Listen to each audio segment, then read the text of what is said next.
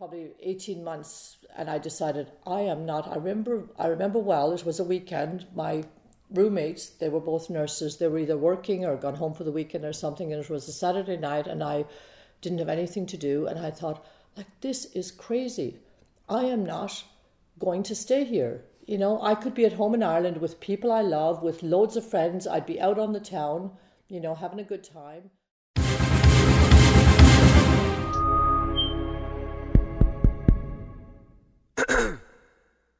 Historia moi emigracji.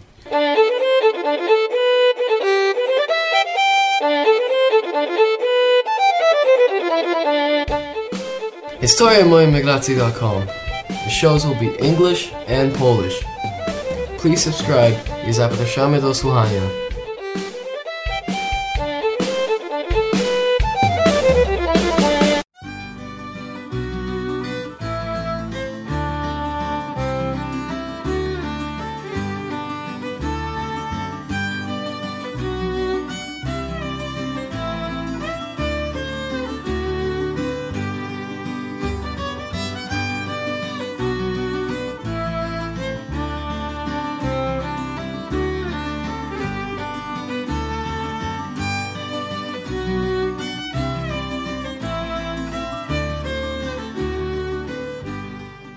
Meet Kay.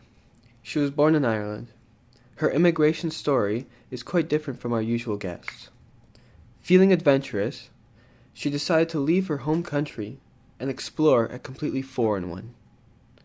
At that time, she thought she would eventually return home. This, however, did not happen. This is the story of Kay, and why she decided not to return home even though she desperately missed her family and friends.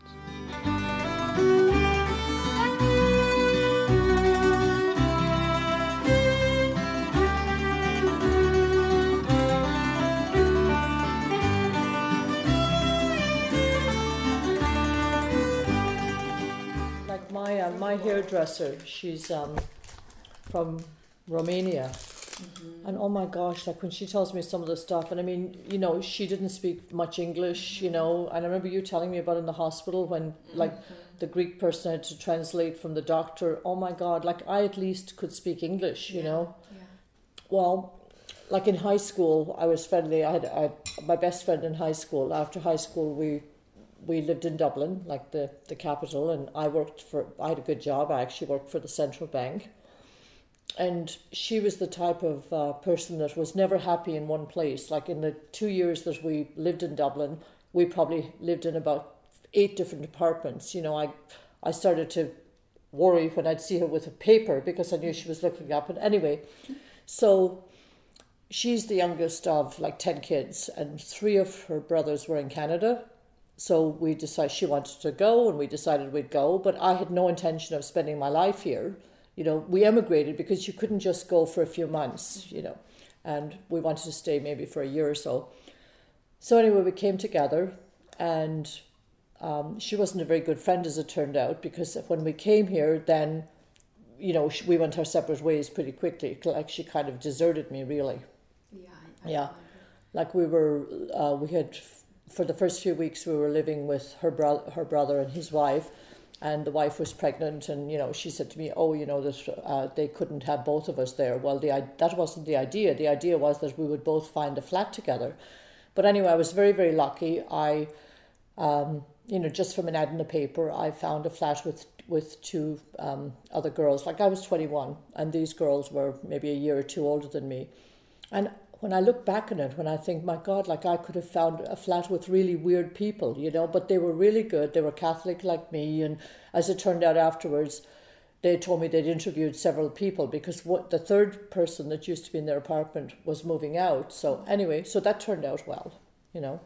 And I guess at the time, if I'd swallowed my pride and you know, admitted to my mother on the phone or whatever that, you know, things hadn't worked out, that Mavis and I, you know, had kind of gone separate ways, I, w- I could have gone back to Ireland. But I was too stubborn.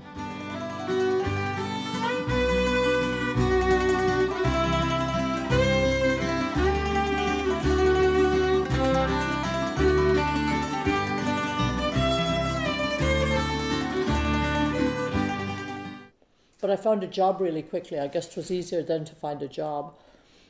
Like I was less than a week in Canada, and I was working for the Royal Bank. How did you find Canada? Did you like it from right at the beginning, or um, Mm. Well, The biggest difference I found in Canada was the people. Like I had a job like within a very short time, but and I didn't stay with the Royal Bank. I ended up working for the Bank of Montreal, and I was there for years. But like here I was, like 21, I'm in a new country. The girls that I worked with, a lot of them were, you know, in their 20s like me, but never once did any one of them say, Do you want to go out for coffee? Do you want to go for a drink? Do you want what, you know? They, I just thought people were so unfriendly.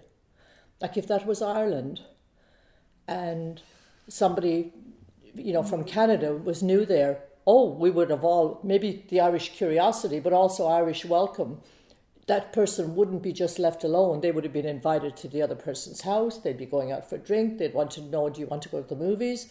But never. I found it so unfriendly. Now, the girls I lived with were great. Mm-hmm. Like they were Dutch Canadian, they were born in Canada. But like they both brought me to their houses. Like they're, one of them, the parents lived in Stoney Creek and the other in Grand Bend. So that was great. But if I hadn't had them and they weren't so nice, well, I probably would have gone back to Ireland. It was really, really hard to, yeah, to get used to. Well, I mean, I didn't sit around feeling sorry for myself or anything. I had a You just decent, I had a that, decent right? job, and the and I actually, I don't know how I met Irene, but she was a girl that um, she was Scottish, so you know somebody else from you know another country, and we got friendly and we'd go to dances together and so on. And actually, I was with her when I met my husband, but um, no, I, I guess it, it didn't take me that long to to get used to it. It was just different.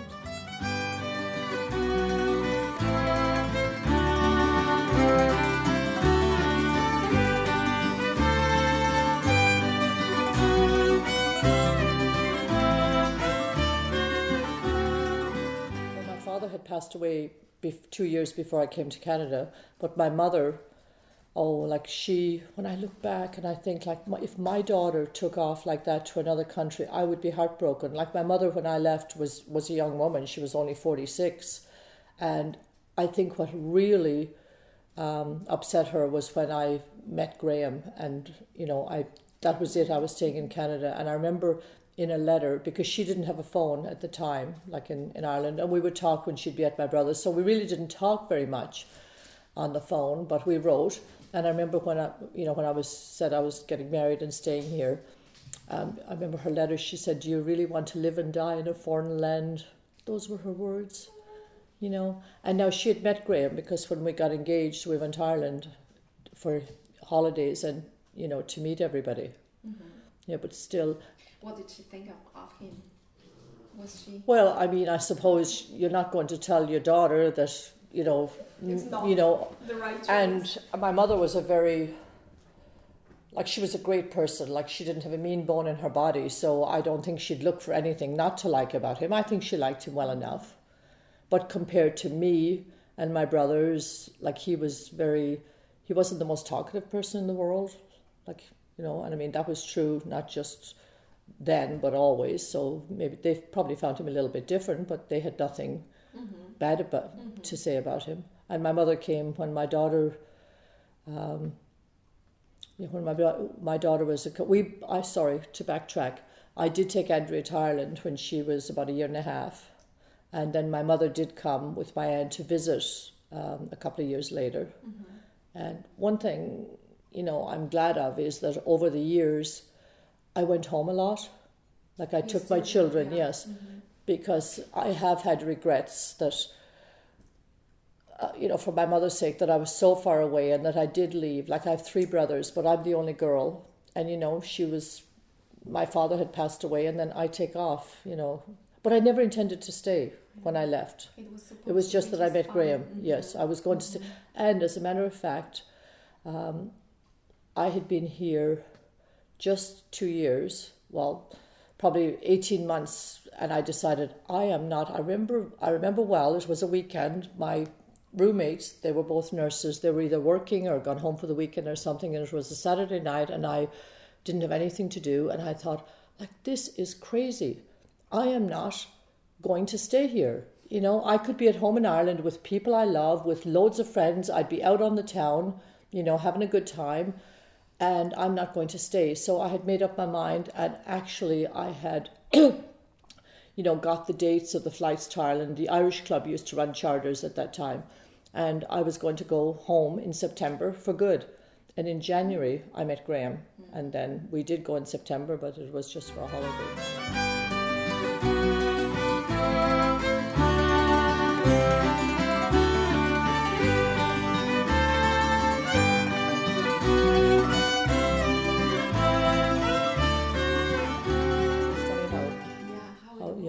But I'm always glad that I did go home often and that my children knew my mother and, you know, are really, really close to their Irish relatives. so they are proud.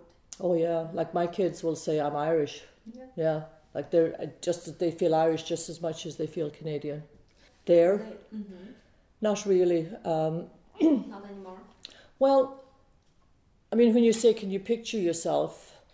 I could picture myself being there, you know, and living there. But however, the reality of it is that my children are here, that I've spent, you know, the last 40 years here. Um, and so, no, I wouldn't, I wouldn't make that decision to go and live there. I, I do have regrets. I mean, if I had life to live over again, I definitely wouldn't have come or I wouldn't have stayed. No.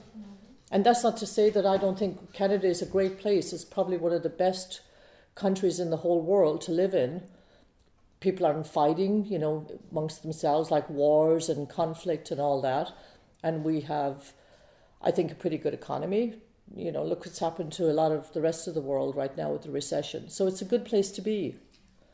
And I mean, I've made great friends. I mean, in the beginning, yeah, I thought people were maybe cold and standoffish, but I've some great friends now, and I've built a life here, and and my kids are here. Mm-hmm. But yeah, I mean, if I had to do it over again, I, you know, and if I'd known at the time I married my husband that it wasn't going to last or I wasn't going to be happy for very long, I definitely wouldn't have stayed. Yeah. but we just don't know. You don't. You don't know the future. That's right. Well, if you immig- if then if you're a landed immigrant, mm-hmm. of course you can stay. so You've been everybody could get it. well, not maybe it's a bit harder now. I don't know, but at the mm-hmm. time, that was in like when we applied for visas and for landed immigrant status. We went to the Canadian embassy in in Dublin, mm-hmm. and I mean, I had a good job. I was working in a bank, so at the time, um, you know, I. I guess at the Canadian embassy they knew I'd have no trouble finding a job here, mm-hmm. you know, but maybe now there's less ch- chance for immigrants I think. Yeah, yeah. now. it's changed over the years. Mm-hmm. It would be probably a lot harder. You know, you might have to have somebody sponsor you and all that, but we didn't have to.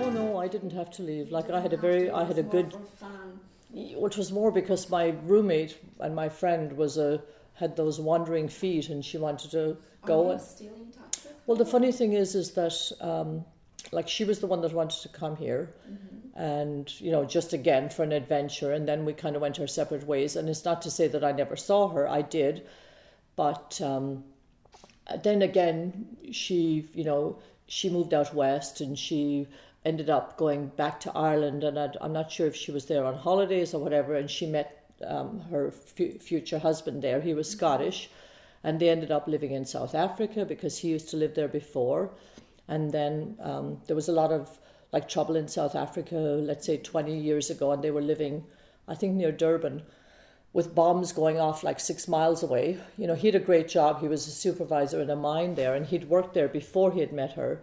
But they decided, like, just for the safety of their kids and that, so they came to Canada. And but they again wandered around because they didn't um, like London. They thought London was too urban and cityfied, so they moved down east. And then anyway, moved around. But she is now um, in Ireland. Like she and her husband split up probably about ten years ago, and uh, she's living in Ireland. and I've I've seen her, and she's come. Her it's so funny because her brother, one of one of the brothers that was here, lives on the very next street to me.